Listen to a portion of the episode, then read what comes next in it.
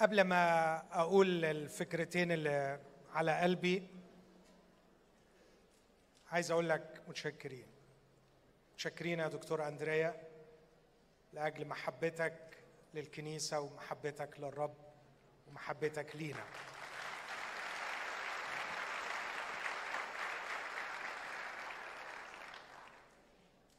مجهود مش قليل وعنده مئة حاجة ينشغل بيها.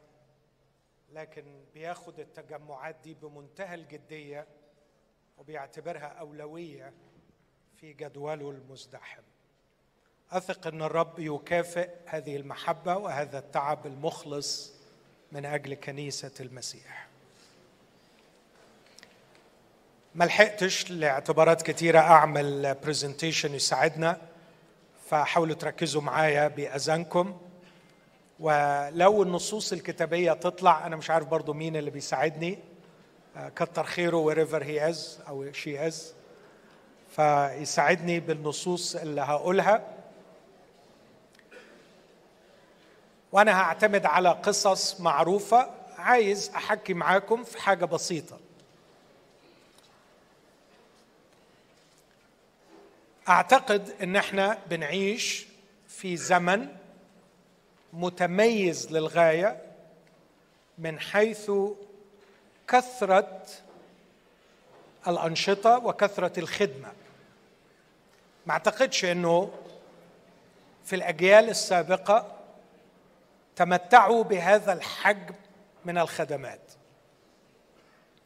يعني أتذكر معنا حبيبنا جورج من سات 7 أتذكر إنه سنة 97 كان بالنسبة لي فتح عظيم. أن سات 7 هتدينا ساعتين في اليوم ثلاث أيام في الأسبوع. متخيلين؟ ده 97 يعني حاجة قريبة قوي. يعني 25 سنة كان في قناة فضائية واحدة بتعمل ساعتين في اليوم ثلاث أيام في الأسبوع. شوفوا النهاردة فيه كم قناة فضائية. أتذكر بعض الكنائس كان بيبقى عندها خمس مؤتمرات في السنة. بعض الطوائف خمس مؤتمرات في السنة. النهاردة ما فيش طائفة عندها أقل من مئة مؤتمر في السنة. أنشطة كتير. وبأكد أنه ده نعمة وبشكر ربنا لأجله. السؤال اللي بطرحه هل الحصاد اللي جاي يتناسب مع حجم وعدد الخدمات اللي بتتعمل. أنا لا أعرف إحصاء لكم المتفرغين. لا أعرف إحصاء لكم الخدمات والأنشطة في شتى المجالات. لكن السؤال اللي بسأله فعلا لو أعطينا أن نطلع على صفحات السماء وما تسجله هل يا ترى السماء تسجل مردود حقيقي فعلا يتناسب مع حجم هذا النشاط وهذه الخدمات وعدد الخدام؟ أترك الإجابة لضمائركم. لن أجيب لكن أترك الإجابة لضمائركم. وإذا كانت الإجابة اللي ضمائركم بتمليها عليكم إنه الحقيقة لا تناسب. المجهود جبار الخدمات كتير الأنشطة كتيرة لكن التغيير في حياة الناس زي ما الأسيس تشيب كان بيقول شيء مخيف اللي قاله ده. خدتوا بالكم من اللي قاله أحبائي؟ متخيلين؟ إنه لما تتعمل دراسة ويكتشف إنه حالة الناس جوه الكنائس زي بره الكنائس إنه الأسس ما بيقروش كتاب المقدس لحياتهم الشخصية. إذا كانت النتيجة هكذا أنه لا يوجد حجم من التغير الأخلاقي لا يوجد تغير إلى تلك الصورة عينها لا يوجد الأرواح الطاهرة التي يحضر الله من خلالها إلى بلدنا والتي يستخدمها روح الله لبركة الناس. إذا كان هذا قليل ما سر هذا التناقض بين الزرع الكثير والحصاد القليل؟ هو ده السؤال اللي هحاول أجاوب عنه وإجابتي باختصار شديد أيضا أن كثير من هذه الأنشطة لم تنبع من رؤيا القدير لكنها نبعت من ضغط الأقران. لم تنبع من رؤيا القدير لكنها نبعت من ضغط الأقران.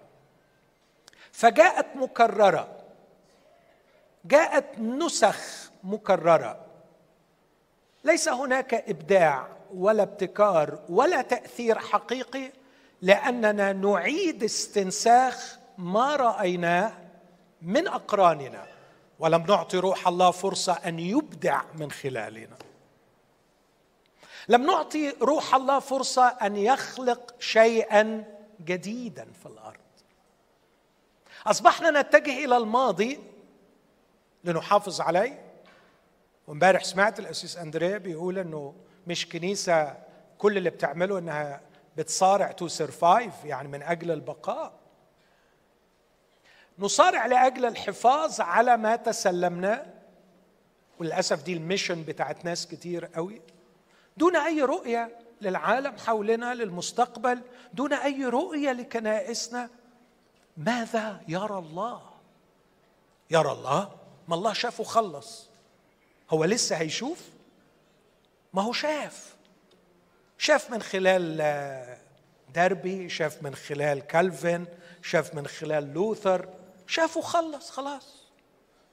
هتعذبوا روحكم ليه ربنا شاف وخلص وإحنا شغلتنا نحافظ على اللي شافوه لنا واللي اتشاف. بس.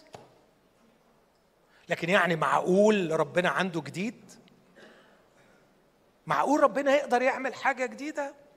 بلاش كده كبرياء. إخوتي هذه أساليب واستراتيجية إبليس. إبليس نجح في أن يحيد الكنيسة أن يقتل طموحها في شيء جديد أن يقتل إيمانها في رب لم يكف عن الإبداع والابتكار والتجديد. للأسف الشديد عشنا فقراء ولنا كل الغنى في إله خالق لم يكف عن الخلق.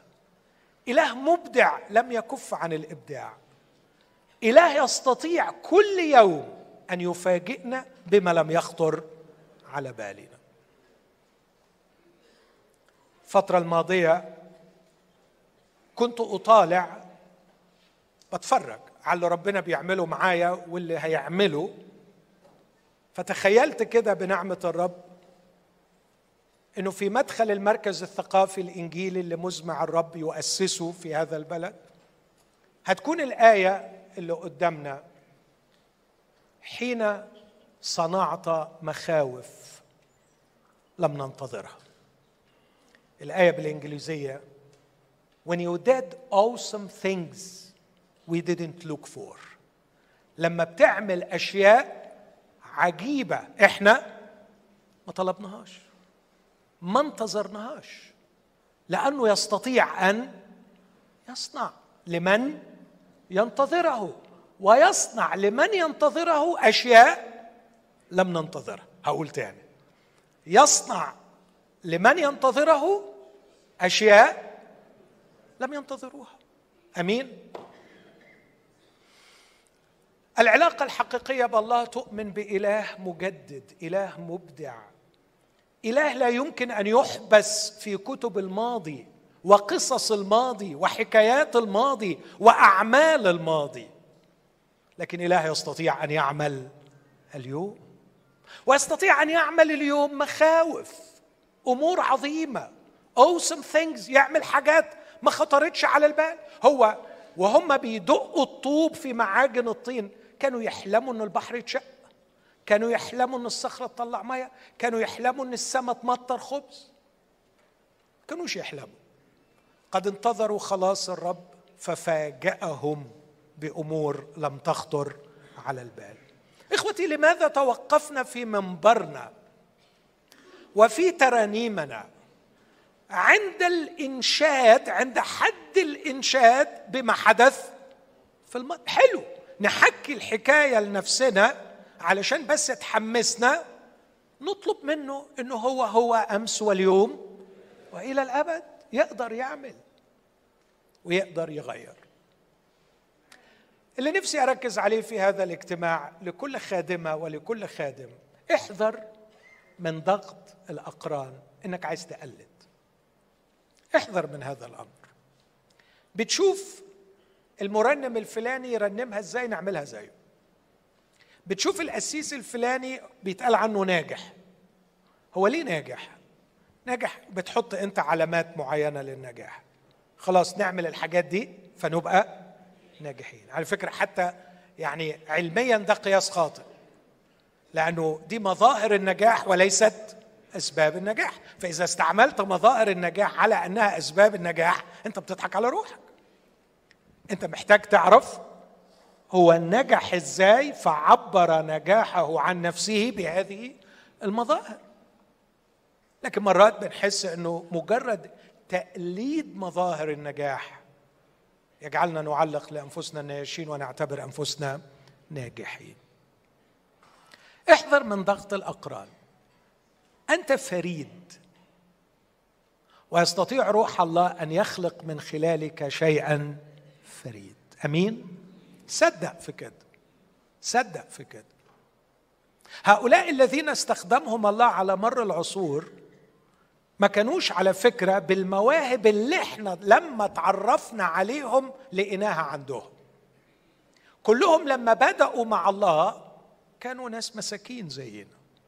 كان ايليا إنسانا تحت الألام مثلنا إن لوثر الذي غير التاريخ وغير الجغرافيا كان في يوم من الأيام مطروحا من على ظهر حصانه في الأرض مرعوبا يظن أنه قد مات وينتظر قضاء الله وغضب الله ويعتبر أن سقوطه من على الحصان هو غضب الله. ضعيف الإيمان مسكين.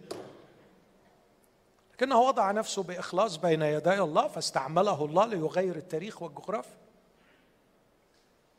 خلوني ألتزم ببعض القصص والنصوص الكتابية اللي تؤكد فينا هذا الفكر إن الله لم يزل لديه رؤية لبلدنا ولكنيستنا الإنجيلية ولعمله في مصر.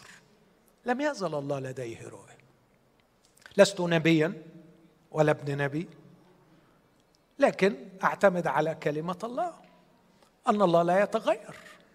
وأنه في كل لحظة يمكن أن يوجه رسالة لك ولي ويقول يا ابني اذهب اليوم اعمل في كرمي. وأن كلمة الله لا تقيد ولم تزل تجري وينبغي أن ننشرها لأنها ستؤثر. فإنجيل المسيح هو قوة الله للخلاص. الله لديه رؤية. من يرى هذه الرؤية؟ ومن يفعل هذه الرؤية على الأقل أقول ليس من يخضع لضغط الأقران. اسمحوا لي أقرأ معاكم بعض المقتطفات السريعة جدا من سفر العدد. هقرأ من سفر العدد ومن سفر القضاة. في سفر العدد أصحاح 24 بدأ عمل الله العظيم من خلال الشعب القديم لكن في نفس الوقت بدأ العمل الشرير في الأجواء الروحية ليهدم هذا العمل في مهده. فاستأجر بلاق بلعام العراف لكي يلعن هذا الشعب. فالرب يريد أن يبارك هذا الشعب لكن إبليس يريد أن يلعنه. والحقيقة في خلاصة كلام بلعام نعرف السبب إنه سيبرز كوكب من يعقوب فالغرض من وراء لعنة هذا الشعب هو منع مجيء الكوكب منع مجيء المخلص لكن هيهات. في أصحاح 24 وفي الجولة الأخيرة للمحاولات التي حاول فيها بلعام العراف أن يلعن بني إسرائيل يقول هذه الكلمات. في عدد اثنين رفع بلعام عينيه ورأى إسرائيل حلا حسب اسباطه فكان عليه روح الله فنطق بمثله وقال وحي بلعام بن بعور وحي الرجل المفتوح العينين وحي الذي يسمع أقوال الله الذي يرى رؤيا القدير مطروحا وهو مكشوف العينين. العبارة دي غريبة قوي وابتدى يقول إيه اللي شايفه؟ أنا عايز أقف عند يرى رؤيا القدير مطروحا. الراجل ده جاي علشان يلعن هذا الشعب. لكن ربنا قال له تعالى. تعالى أيها الشرير لكي أريك رؤيتي لهذا الشعب وهوريها لك بعد ما أكفيك على وشك. يعني غصب عنك هوري لك ربنا شايف إيه. فيرى رؤيا القدير مطروحة. أنبياء الله لا يطرحهم الرب ارضا لكي يريهم رؤيا الله. هم يرون رؤيا الله. لما تشوف حسقيال وهو يرى رؤى الله لما تشوف إشعياء لما تشوف هؤلاء الرجال لا يطرحهم الله ارضا. لكن هذا الرجل طرحه الله لكي يعطيه مثالا ميتافور نموذجا جسديا لسلطاني عليك وإن كلامي هو اللي هيمشي مش رغبتك الشريرة ورغبة بلاق في أن تلعن.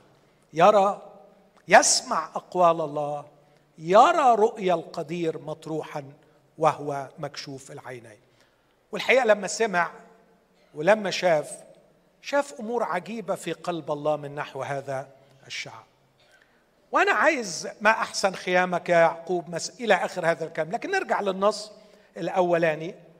أنا أتمنى إنه أي شخص على قلبه يخدم ربنا يفكر في الثلاث كلمات دول.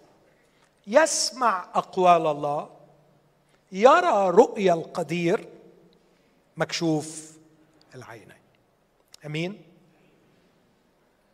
على فكرة إذا عايز تخدم ربنا فربنا عايزك تخدم.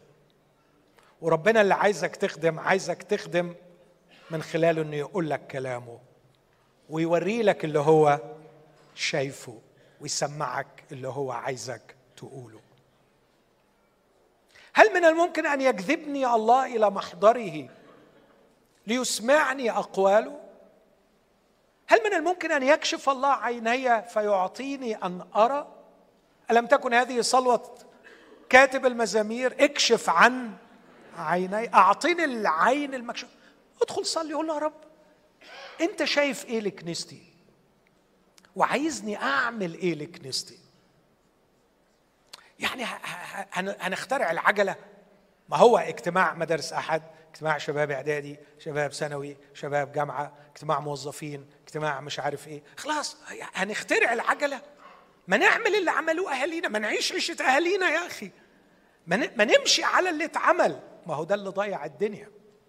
اسمعوني أقول حول الكنيسة إلى مؤسسة ناجحة دون أن تكون كائن حي مؤثر ونابض. في كنائس مستمرة بهذا المنهج. اتبعت هذا المنهج أن نحافظ على ما حدث ونساء السرفايفل كانت النتيجة أنها فقدت الإرسالية. موجودة ككيان ناجح من خلال التناسل وتكرار النسل وزيادة النسل لكن لا وجود لها ولا تأثير في العالم الروحي. لا ربح للنفوس لا تغيير في المجتمع اطلاقا. لا تتمم ارساليتها إننا موجودين في هذا العالم لإتمام شيء واحد قاله المسيح وهو يؤسس الكنيسة بعد قيامته.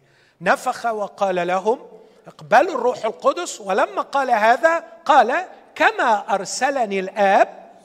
أرسلكم أنا واحدة من أساسيات الإيمان الإنجيلي المشن أن نخرج أن نعمل أن الكنيسة تكون مؤثرة في مجتمعها. ولكي تؤثر الكنيسة في المجتمع وتغير تغيير حقيقي مش تزود عدد كنائسها مش تزود عدد أعضائها لكن لكي تؤثر تأثير حقيقي ينبغي أن تسمع أقوال الله وترى رؤى الله وأن تكون مكشوفة العينين. ما نستناش القادة ما نستناش الكبار. لكن علينا جميعا أن نضع أنفسنا تحت مسؤولية أن الله يضع يده علينا ويكشف لنا ويسمعنا أقواله ويرينا رؤيته. أنت يا رب شايف إيه لمصر؟ أنت يا رب شايف إيه للكنيسة؟ أنت يا رب شايف إيه لعيلتي؟ مش أنا شايف إيه؟ أو فلان عمل إيه لعيلته؟ أو الاسيس فلان عمل إيه لكنيسته؟ لكن أنت يا رب أنت يا رب. أمين حاسس إنه كأني بقول كلام كبير قوي في حين أنا أعتقد إنه يعني أبسط شيء. كتاب يقول إن كان يتكلم أحد فكاقوال الله وإن كان يخدم أحد فكأنه من قوة يمنحها الله. عايز تخدم ربنا؟ مش تكلم من أقوال الله. ما كله بيقول من أقوال الله وممكن يكونوا بيستخدموها لاغراض مش كويسة. لكن تكلم كأقوال الله يسمع أقوال الله عايز يقول إيه لمين فين إمتى. الله عايز يقول إيه لمين فين إمتى. الله عايز يقول النهارده لكنيستي إيه بس دي عملية صعبة قوي وأنا هقعد بقى ملطوع قدام ربنا على ما يقول لي. وماله يا أخي؟ وماله يا أخي لما تتلطع شوية قدامه؟ قاعدة ببركة. أحسن من الجري والتنطيط اللي ما فيهوش بركة. اللبنانية يقولوا حركة بلا بركة. ممكن تقل شوية الحركة بس يبقى فيها بركة. أدي مثال لواحد مش من القادة. واحد غلبان اسمه جدعون. بص معايا في سفر القضاة أصحاح اثنين سفر القضاة أصحاح اثنين في بداية مؤلمة للغاية. صعد ملاك الرب من الجلجال إلى بوكيم. ليه سموها بوكيم؟ لأن الشعب هناك بكى. وقال ملاك الرب على فكرة ملاك الرب هو الرب نفسه هو يهوى هو الرب يهوى. عندنا آيات كتير قوي بتثبت كده.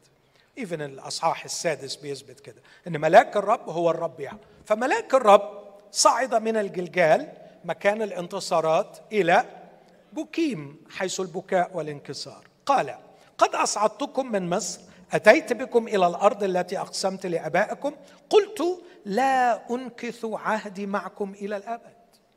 وأنتم فلا تقطعوا عهدا مع سكان هذه الأرض. خدوا بالكم من حكاية العهد وأهميته. وأنتم فلا تقطعوا عهدا اهدموا مذابحهم لم تسمعوا لصوتي فماذا عملتم؟ عملتم إيه؟ فقلت أيضا لا أطردهم من أمامكم بل يكونون لكم مضايقين وتكون آلهتهم لكم شركا. وكان لما تكلم ملاك الرب بهذا الكلام إلى جميع بني إسرائيل أن الشعب رفعوا صوتهم وبكوا فدعوا اسم ذلك المكان بوكيم. ومشي ملاك الرب. لو أعطي لي أن أكتب أكتب تعليقا عن حالة الشعب. سأكتب أسوأ كلام وأقول لقد غادرهم ملاك الرب ولم يعد هناك أي رجاء لهذا الشعب. والحقيقة سفر القضاة يقول إن حال الشعب كان يتقدم من رديء إلى اردى ما أقدرش أنكر دي من سيء إلى أسوأ. لكن في وسط هذا السوء كانت هناك اسمعوني يا أحبائي اختراقات إلهية عظيمة. وزيارات متكررة من ملاك الرب اللي قال لهم أنا زعلان منكم ومشبه معاكم وخد بعضه ومشي. أنا اللي هقراه دلوقتي واحدة هو أنت يا ملاك الرب؟ الرب يهوى. مش خلاص؟ زعلت مننا وسبتنا؟ يقول ما أقدرش لأني قاطع عهد مش هسيبكم. آه أخليكم تحصدوا نتائج عصيانكم. آه اخليكم تحصدوا نتائج العك بتاعكم. لازم تحصدوه. لكن هذا لا يمنع رحمتي عنكم. فحيثما يوجد قلب مستعد للعمل معي سوف أعمل معه. فحتى إذا فشل الشعب كله ووجد فرد واحد يريد أن يعمل مع الرب سيأتي إليه ملاك الرب. مصدقين في الكلام ده؟ قد تكوني مختفية بين الصفوف. محدش يعرف اسمك في ال 1100 حاضر. قد تكون شاب صغير قد تكوني سيدة متقدمة في السن. لكني أؤمن بكل قلبي وأؤكد إذا وجد فرد عزم في قلبه أن يعمل مع الرب سيعمل الرب معه. وسيستخدمك الرب لبركة كنيستك. وبركة عائلتك. خلوني أوريكم العينة في أصحاح ستة من سفر القضاة عدد 11 عجيب قوي. وأتى ملاك الرب. أتى ملاك الرب. وجلس تحت البطنة. ما هو مشي زعلان لكنه عمل إيه؟ رجع. تعرف رجع ليه؟ علشان في واحد محترم عايز يخدم ربنا. وهوريكم شكله إيه اللي عايز يخدم ربنا. لئلا تقولي في نفسك أنا بنت صغيرة أنا شاب صغير أنا ست كبيرة أنا راجل خلاص. هوري لك صفاته إيه علشان ما تحطش في خيالك كده صفات غريبة للي ربنا بيستخدمهم على فكرة كل اللي ربنا استخدمهم استخدام حقيقي هم عارفين نفسهم إنهم غلابة قوي. بيقول كده أتى ملاك الرب وجلس تحت البطمة التي في عفرة التي لؤاش الأبي عزري؟ وابنه جدعون كان يخبط حنطة في المعصرة لكي يهربها من المديانيين. فظهر له ملاك الرب وقال له الرب معك يا جبار البأس. سبحان الله. فقال له جدعون أسألك يا سيدي إذا كان الرب معنا فلماذا أصابتنا كل هذه؟ وأين كل عجائبه التي أخبرنا بها أباؤنا قائلين؟ ألم يصعدنا الرب من مصر والآن قد رفضنا الرب. وجعلنا في كف مديان. فالتفت إليه مين؟ فالملاك الرب هو الرب. فالتفت إليه الرب. وكأنه بابتسامة عريضة. عارفين المدرس اللي يبقى مدي احتمال ضعيف قوي إن الواد يجاوب السؤال صح بس الواد يفاجئه ويجاوب الإجابة مية المية منظر المدرس بيبقى إيه؟ ها؟ فرحان. فرحان فعلا. فالتفت إليها الرب. اذهب بقوتك هذه. هي فين القوة دي إن شاء الله؟ إحنا ما سمعناش حاجة لغاية دلوقتي؟ بتقول إن في قوة. أنت ما نزلتش عليه لقيته بيدرب عشر فرق صعقة. أنت ما نزلتش عليه لقيته بيشيل حديد 150 كيلو.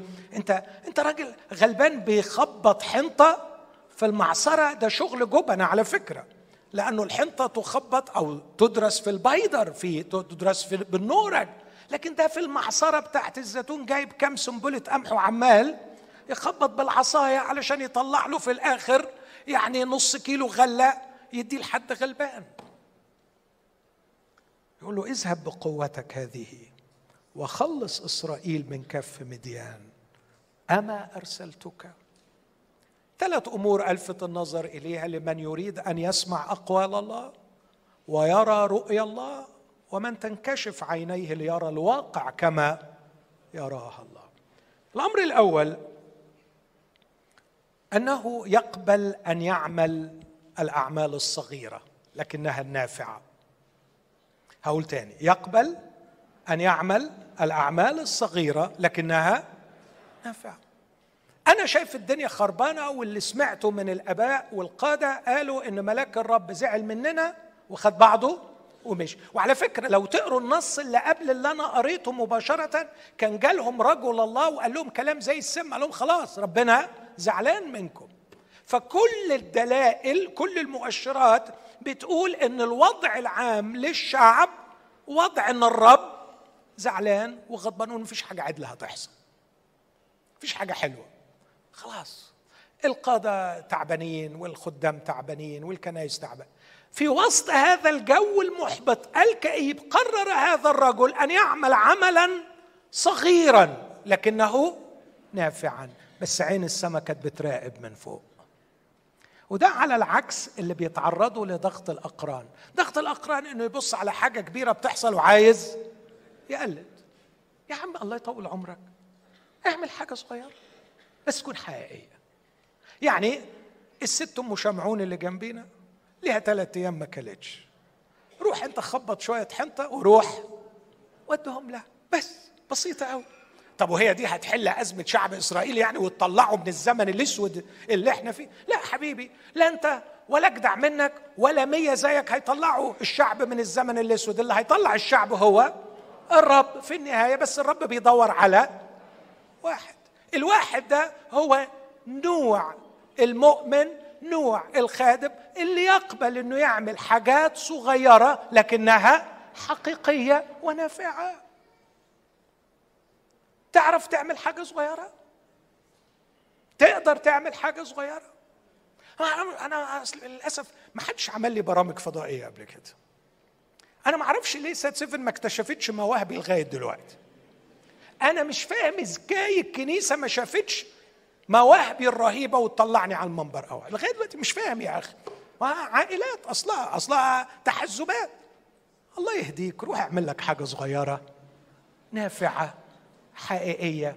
بدل ما مدخل روحك في 100 خناقة و100 صراع و100 مشكلة وحسد وغيرة ومذمات ونميمات. فضك من ده كله وفكر في حاجة صغيرة. جدعون. شيئا صغيرا نافعا. لكن الأمر الثاني اللي الرب بيدور عليه الإيمان أن الله مبدع وأن الله مجدد وأن الله لم يكف عن أن يصنع عجائب وإنه يقدر يعمل عجائب. حتى أحيانا البعض لما ربنا بيفتح عليه وبيقتنع ان ربنا يعمل عجائب يعمل عجائب يعمل عجائب اللي عملها من 2000 سنة. بس هي دي. خلاص ربنا قفل ربنا فلس ربنا ما عندوش جديد. ألا يستطيع أن يصنع نوعا جديدا من العجائب التي تخدم ملكوته في القرن الحادي والعشرين بالطريقة اللي هو يشوفها؟ لا لا لا لا لا, لا. هو إزاي يسوع عمل في, في لما جه من 2000 سنة لازم دلوقتي يعمله؟ هذا ضيق في الأفق. نحتاج أن نؤمن أن إلهنا خبير بنفوس الناس وبطبيعة العصور. وبطبيعة الثقافات ويعرف ما الذي ينبغي أن يفعل في هذا الزمن أو في ذاك الزمن في هذا البلد أو في ذلك البلد. بص الرد بتاعه. الرب معك يا جبار البأس. أول رد فعل سيبك مننا خلينا في الشعب. إن كان الرب مش معي إن كان الرب معنا. لماذا؟ أصابتنا كل هذه وأين كل عجائبه؟ يعني إيه جدعون الكلام ده؟ كأن الملاك بيسأله بيقول له حبيبي أصل أنا فاهم إنه لو ربنا معانا لازم يبدع. لو ربنا معانا لازم يجدد. لو ربنا معانا لازم يصنع أشياء عجيبة تناسب الاحتياج بتاعنا. لاحظ مش بيقول يصنع معنا كما صنع مع أبائنا. لكن أين كل العجائب؟ ألم يخبرنا أبائنا إنه عمل معاهم عجائب؟ أنا مستني في الزمن ده إنه يعمل عجائب لأنه إحنا في وضع غيرهم. هم كانوا في مصر أصعدهم من مصر. إحنا مش في مصر دلوقتي. إحنا في أرضنا. بس عندنا مشكلة تاني. ينبغي أن يصيغ نوعا من العجائب الذي يتناسب مع حالتنا. إذا كان التحدي الأكبر أمامنا ليس أن اليهود يطلبون آية معجزة لكن أن الملحدين يطلبون دليلا. فيستطيع الرب أن يصنع عجبا ويخلق الدليل. لا لا لا لا إحنا عايزين اللي الرب يا حبيبي على عيني وراسي بس هو الإله أحكم منك. ولم يكف عن أن يكون خلاقا مبدعا يستطيع أن يصنع عجبا في كل العصور. أمين؟ يسوع المسيح هو هو أمس واليوم وإلى الأبد. ليس عنده تغيير ولا ظل دوران لكن أعماله تتغير من جيل إلى جيل طبقا للاحتياج. وعجائبه تتغير طبقا للاحتياج. لا لا لا إحنا لازم يعمل لنا حاجة كده زي أتون النار. طب هو لازم أتون النار يبقى نبوخذ نصر ويبقى في نار حرفية ويبقى مش ممكن الله ينقذ بطريقة تانية؟ لماذا نحصر الله في أطر معينة؟ حددتها عقولنا الضيقة. حبسنا أنفسنا في أطر الزمن والقصص القديمة. لماذا لا نتطلع إلى إله مبدع؟ يستطيع أن يغير الأوقات والأزمنة ويستطيع أن يصنع شيئا جديدا. هذا كان وضع جدعون. عنده إيمان أن ربنا يعمل حاجة. متحرر من نفسه مش بيدور حوالين نفسه مشغول بشعبه عنده إيمان أن ربنا يعمل شيء عجيب. لكن بيقول له كمان ألم يصعدنا الرب من مصر؟ والآن قد رفضنا الرب وجعلنا في كف مديان. إحنا في وضع غلط. إحنا مش بحسب فكر الرب الاعتراف بالواقع. ودي واحدة من الحاجات اللي بشوفها الحقيقة معجزية الأيام دي. محتاجين معجزة تقنعنا بالواقع. لكن اللي بنعمله بنحاول حاجة من اتنين يا ننكر الواقع يا نشتت روحنا عن الواقع. والاتنين دول مؤذين للكنيسة جدا. ومرات حتى لما بيحاول ربنا يواجهنا بالواقع كل اللي بنحاول نعمله إن إحنا نهرب منه. إخوتي الواقع اللي كان بيتكلم عنه تشيب إنجرام في أمريكا موجود في مصر. أرجوكم يا إخوتي. الواقع أنه هناك ضجيج بلا طحن وحركة بلا بركة. وعلينا أن نواجه الواقع ليس بإحباط أو بفشل لأن لسه قايل إن إلهنا ما ماتش إلهنا حي ويقدر إنه يغير. لكن إن إحنا نوهم أنفسنا بأرقام غير موجودة نوهم أنفسنا بوقائع غير حقيقية هذا مدمر لكنيسة الله. علينا أن نواجه الواقع. الرب قد رفضنا. جعلنا في كف مديان الرب بيسمع الكلام ده مزيكا في ودانه. بجد؟ انت يا ابني بتعمل حاجة صغيرة نافعة وعندك إيمان إن الله مجدد مبدع يستطيع أن يبدع شيئا جديدا ومقر بأن الواقع مزري؟ حبيب قلبي هذه قوة ثلاثية مدمرة. اذهب بقوتك هذه. خلاص مش عايز منك أكتر من كده. اذهب بقوتك هذه وخلص إسرائيل من كف مديان. يجي الحديث الثاني فقال له أسألك يا سيدي بماذا أخلص إسرائيل؟ النقطة اللي جاية دي مهمة. ها عشيرتي هي الذلة في منسى وأنا الأصغر في بيت أبي. كتير من المؤمنين بيتوهموا إن ربنا قال لهم حاجات وربنا ما قالش. ده كتير ولا مش كتير؟ كتير قوي. كتير قوي ودول بيصعبوا عليا لأنهم بيدمروا عائلاتهم أحيانا. بيتوهموا إن ربنا قال واللي قال الحقيقة السايكولوجي بتاعهم ال wishful thinking التفكير الرغبوي.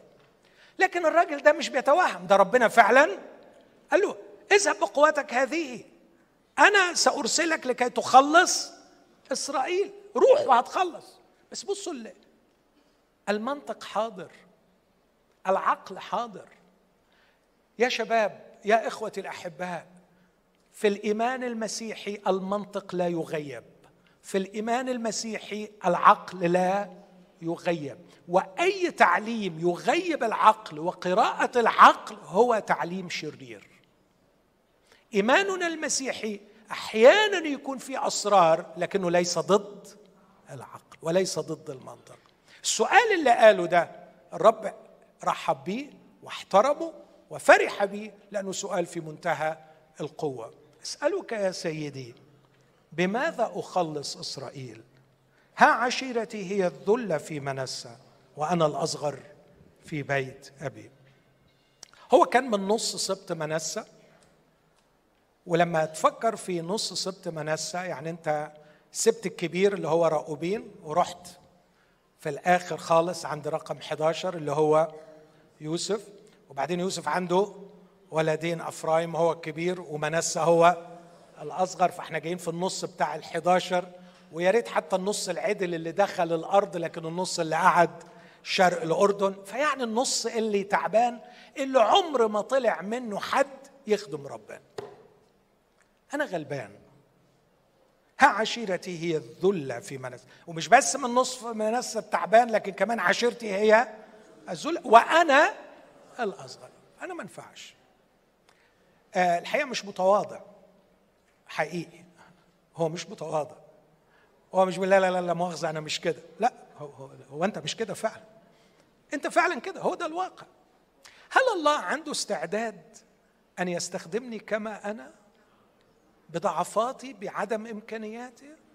نعم إذا توفروا الثلاث حاجات الأولانية. الله مش محتاج إنه المواهب لازم يكون عندي مواهب. وهو مين بيدي المواهب؟ ما هيدي لك مواهب. أشهد أمام الله ولا موهبة من التي أعطاني الرب إياها لأخدمه بها بدأت معايا. آه كل ما كان يدينا حاجة ونشتغل بيها الاقيه يدينا أكتر. ويا ريت ما يدينيش تاني. كفاية. مش عايز تاني. كفاية. خير كتير. بس نشتغل باللي اداهم لنا لغاية ما نخلص رسالتنا. لكن الله يعطي مواهب. خبرات ما الله اللي هيفتح لك الأبواب ويدي الخبرات. علم يدي لك يا أخي ذكاء من عنده ويخليك تتعلم. يستطيع أنه يدي لك. أنت مش محتاج تكذب على نفسك ولا تكذب على ربنا وتقول أنا حاجة. أنت مش حاجة ومش محتاج تبقى حاجة. وربنا قادر يخليك حاجة. فقال له الرب إني أكون معك وستضرب المديانيين كرجل واحد. لكن اسمعوني يا احبائي لغاية كده أنا بقول عنه حاجات إيجابية. لكن الراجل ده عنده ضعف إيمان واللي عايز أقوله في النقطة دي إن الله يستطيع أن يستخدمك حتى إذا كان إيمانك ضعيف. لا على قدي بس حقيقي. إيماني ضعيف بس حقيقي. لن أدعي عظمى الإيمان وأنا إيماني ضعيف. بص الراجل بيقول له إيه؟ إن كنت قد وجدت نعمة في عينيك فاصنع لي علامة أنك أنت تكلمني. لا تبرح منها هنا حتى آتي إليك وأخرج تق... هو عرف إن ده ملاك الرب. وأضعها أمامك فقال إني أبقى حتى ترجع. فدخل جدعون عمل جدي معزة وايف الدقيق فطيرا. أما اللحم فوضعه في سل وأما المرق فوضعه في قدر. راح عك الدنيا. عك الدنيا. حد عمره سمع إن في شرائع سفر اللويين لما تقدم ذبيحة تسلق اللحمة؟ حد قال ولا سمع إن ربنا بيعوز مع اللحمة شوربة؟ رايح يعمل شوربة. فحاطط اللحم في سل وجايب الشوربة في قدره وجاي فرحان قوي للملاك. بص الملاك بكل جمال وروعة. قال له خذ اللحم والفطير وضعهما على الصخرة واسكب الماء كب البتاع. البتاع إيه رأيك في ملاك الرب؟ ها؟ جميل مش كده؟ ما قالوش إيه يا منيل اللي أنت عملته ده؟ آه sorry يا مليس. إيه يا مليس اللي أنت عملته ده؟ ما قريتش يا ابني سفر اللاويين ما ذاكرتش يا ابني إنه ما فيش حاجة اسمها شوربة في التقديمات اللي تتقدم لربنا. عامل لي شوربة. إيه العك ده؟ no no. هو ده اللي حيلته. هو ده اللي يعرفه.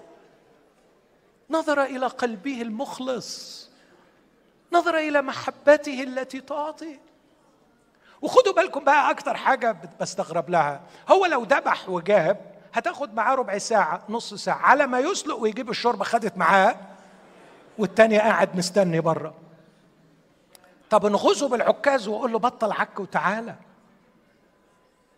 رقيق القلب جدا ومتسع الفكر جدا. وآه لولا أن كان قلبه يتسع لأخطاء الكثيره ما كنت واقفا هنا الآن. آه لو لم يكن قلبه متسع. آه لو ما كانش قلبه كبير وعقله كبير كان أبقى على مين فينا في الخدمة؟ ولا واحد. ولا واحد. أحبائي إحنا بنعبد قلب بنعبد أب قلبه كبير وعقله كبير. وأخطأنا بكل بساطة كب ده. كب ده. واسكب المرق فمد ملاك الرب طرف العكاز الذي بيده ومس اللحم والفطير فصعدت نار من الصخرة وأكلت اللحم والفطير وذهب ملاك الرب عن عينيه. فراى جدعون أنه ملاك الرب. كان فكره ملاك من عند الرب. طلع. طلع ملاك الرب طلع الرب. يهوى نفسه. هو فاهم كده. فقال جدعون آه يا سيد الرب لأني قد رأيت ملاك الرب وجها لوجه. فقال له الرب دي واحدة من الحاجات حتة لاهوتيه على جنب كده. لغاية القرن الأول الميلادي كان اليهود يعلمون بثنائية يهوى يهوى ويهوى الحاضر. بس لما انتشر الإيمان المسيحي خافوا من حكاية لاهوت المسيح فلغوا التعليم ده تماما. لكن جات لنا كتابات ما بين العهدين مخطوطات وادي قمران نقرأ فيها عن يهوى ويهوى الثاني. يهوى ويهوى الثاني. من النصوص اللي بيستعملوها المسيحيين وهم بيشرحوا الكلام ده النص ده لأنه هو ملاك الرب صعد عنه وهو مرعوب بيقول أنا هموت لأني رأيت ملاك الرب. مين اللي بيكلمه؟ الرب. فالرب غير ملاك الرب وهو نفسه الرب. صح؟ فيسوع غير الآب بس هو والآب واحد. فقال له الرب السلام لك لا تخف لا تموت. فبنى جدعون هناك مذبحا للرب ودعاه يهوى شالوم. والرب طلب منه طلب عايز جراء شوية. ودي النقطة اللي بعد كده. روح هد المذبح بتاع أبوك مذبح البعل وابني مذبح للرب. وأنا اعتقد انه ده اول طلب فيه تحدي شوية هيطلبه الرب منك. انك تبين جديتك بشوية جرأة في التخلص من أشياء لا يليق انك تحتفظ بها أمين؟ يقول في سفر الأمثال الحكمه وهي تنادي اتركوا الجهالات. في إحدى الترجمات اتركوا مجتمع الجهل. اتركوا مجتمع الجهل. فللجهل مجتمع. إذا أردت أن تخدم الرب عليك أن تخرج. خليك جريء.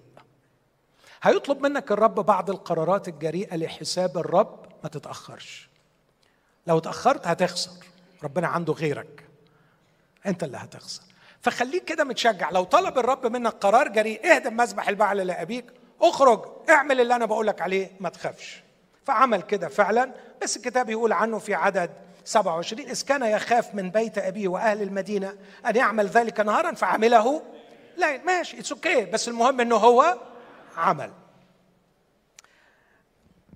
عدد 33 اجتمع جميع المديانيين والعمالقة وبني المشرق معا وعبروا ونزلوا في وادي يزرعيل ولبس روح الرب جدعون. حلو التعبير ده. مين التوب هنا؟ مين اللابس ومين التوب؟ روح الرب هو اللي بيلبس. لبس روح الرب جدعون. يعني جدعون كأنه هو توب. فيتحول هذا الخادم إلى توب. لكن القوة المحركة من الداخل هي روح الرب. فيبقى عندك يقين إن اللي هيعمل العمل روح الرب وليس أنت. ضرب بالبوق. حصل اللي حصل. جم وراء لكن لسه حرام مسكين في عدد 36 إن كنت تخلص بيد إسرائيل. شخص متردد. ها أعمل علامة. ها أحط الجزة. الجزة يبقى عليها طل. الجزة يبقى عليها جفاف في الأرض. ومرة ومرتين. وربنا طويل الروح. هياخدك في سلسلة معاملات وهيطول باله عليك ومش هيزهق من خوفك وترددك. بس حقيقي. المهم إنك تكون أسمع المهم إنك تكون حقيقي. ما تخافش من ضعف إيمانك. ما تخافش من انعدام مواهبك. ما تخافش من خوفك. ما تخافش من ترددك. المهم إنك تكون حقيقي. وتهدم مذبح البعل. وتطلع بره العبادة الوثنية الشريرة. وتحط نفسك بين إيدين الرب. الرب عمل كل اللي ممكن يعمله معاه. لكن حاجة عجيبة هنا بقى العجايب اللي هو كان بيحلم بيها. لما ضرب بالبوق اجتمع إليه عدد كبير قوي من الناس فيقول الكتاب في اصح سبعة إنه قال الرب لجدعون إن الشعب الذي معك كثير علي غريبه ربنا لأدفع المديانيين بيدهم لئلا يفتخر علي إسرائيل قائلا يدي خلصتني. نادي في أذان الشعب من كان خائفا ومرتعدا فليرجع. فرجع من الشعب 22 ألفا. بقي عشرة ألاف. الرب قال له لم يزل الشعب كثيرا. انزل بهم إلى الماء. وإحنا عارفين القصة العشرة ألاف رسيوا على 300 واحد. اللي أقصده أحبائي أن الله يفعل أمورا عجيبة. ربنا عارف الوقت ده هو محتاج كتير ولا محتاج قليل. لا لا لا لا أكيد الكثرة حلوة. الكثرة فيها بركة. لا بس في وقت من الأوقات ربنا مش عايز كثرة. ما ما تقترحلوش. ثق أنه يصنع عجائب بطريقته في وقته. هو عارف إنه لو عمل بعدد كبير في الوقت ده الضرر هيكون أكبر. أتمنى الرسالة تكون وصلت. ما نحدش ربنا ما نقطرهوش جوه إطار نتفك شوية من الحكاية دي. لكن هختم خلاص علشان الوقت. بعد كل ده خايف. أصح سبعة عدد تسعة كان في تلك الليلة أن الرب قال له قم انزل إلى المحلة لأني قد دفعتها إلى يدك. وإن كنت خائفا من النزول يعني كان لسه إيه؟ خايف فانزل أنت وفور غلامك إلى المحلة وتسمع ما يتكلمون به وبعد تتشدد يداك وتنزل إلى المحل. وهو خد بعضه ونزل لما نزل يبقى معناه إنه كان خايف لسه خايف. نزل وسمع الحلم ده. واحد مدياني من الأعداء بيقول لصاحبه أنا يا أخي حلمت حلم ومش عارف تفسيره. حلمت بالليل إن في رغيف خبز شعير يتدحرج في محلة المديانيين. الكلمة دي مؤلمة قوي لما يسمعها جدعون. ده الحلم. والرغيف ده جه والغريبة يا أخي إنه قلب محلة المديانية واللي معاه صاحبه يفسر له الحلم ويقول له ليس ذلك إلا سيف؟ جدعون ابن يؤاش رجل إسرائيل قد دفع الله إلى يده المديانيين وكل الجيش. حاجة عجيبة قوي بسميه التشجيع المتوازن. ربنا بيشجعه لأنه خايف بس هو بيشجعه بيقول له على فكرة أنت لا تزيد عن رغيف خبز شعير يتدحرج. تذكر يعني قصة مؤلمة شوية ما كنتش أحب أقولها بس عشان أوصل الفكرة. وإحنا صغيرين في المدرسة كان في عيال آه، وحشين بيعملوا التنمر على أصحابهم فكان في ولد يا حرام قصير وتخين فكان في واحد سخيف في الفصل يقول له أنت جاي تتدحرج. فكان الواد يعيط لما يسمع كلمة تتدحرج. جدعون النهارده سمع ان هو مش بعيد كان حاجة صغيرة كده وبيتدحرج. رغيف خبز شعير يتدحرج. فين قابلنا خبزات الشعير مرة تاني؟ في معجزة إشباع الجموع. وكأن الرب عايز يقول مش مهم أنت إيه ومش مهم اللي في إيدك إيه. المهم أنا مين. أنت ما تزيدش عن رغيف خبز شعير يتدحرج. واللي في إيدك خمس خبزات شعير.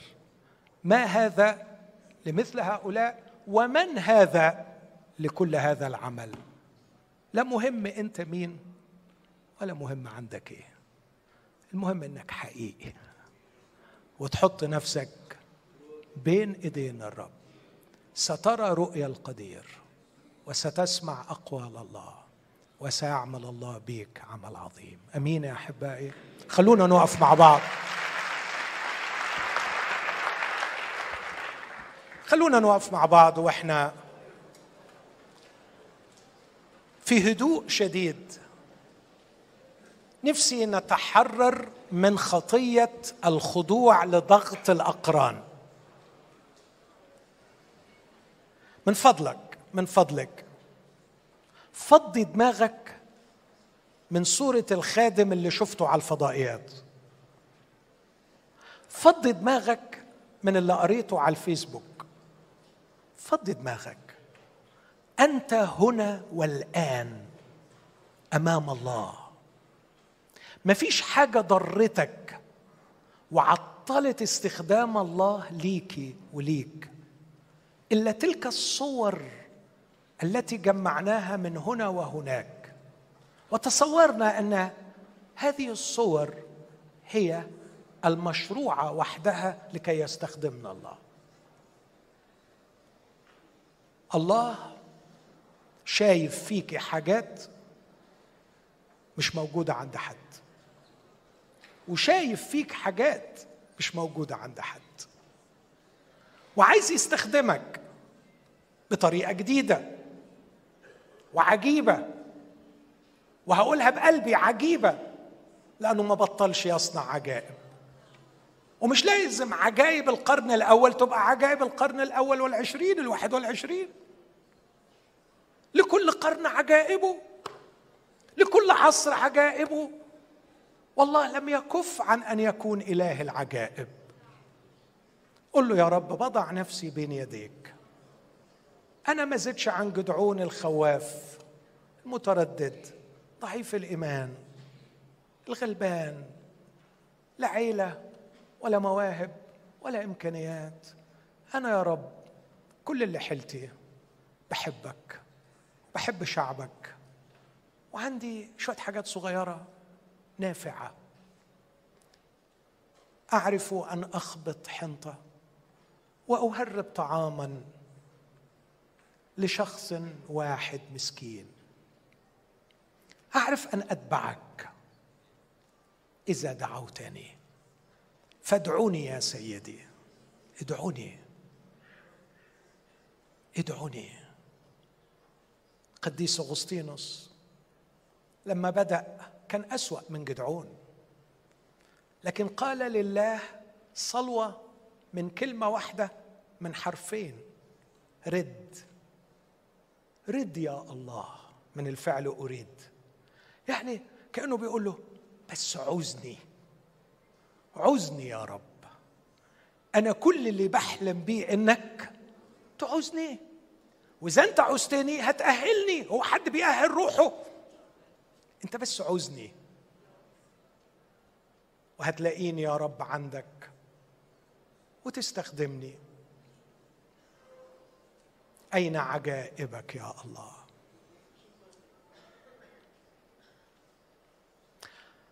أنا مش هتكلم في ال 30 ثانية اللي جاية. وهسيبك بينك وبين الرب. تحط خط فاصل بين اللي فات واللي جاي. والنقطة الجديدة إنك هتضع نفسك بين يدي الرب ليستخدمك أنت. أنت كما أنت. مش هتقلد حد مش هتمشي ورا حد.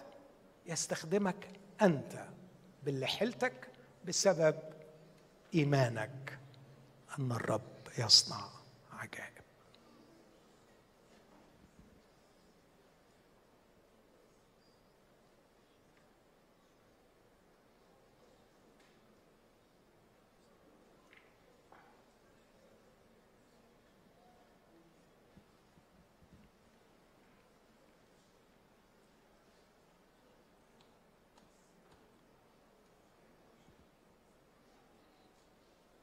أثق يا أبانا إنك من وسط هذا الجمع الغفير قدمت لك تقدمة في هذا النهار. بشكرك لأجل كل من قدمت نفسها لك وكل من قدم نفسه لك. أضع إخوتي وأخواتي ونفسي بين إيديك. راجين أن تضع يدك علينا وأن تمتلكنا وأن تقبل تقديماتنا لك لكي تستخدمنا.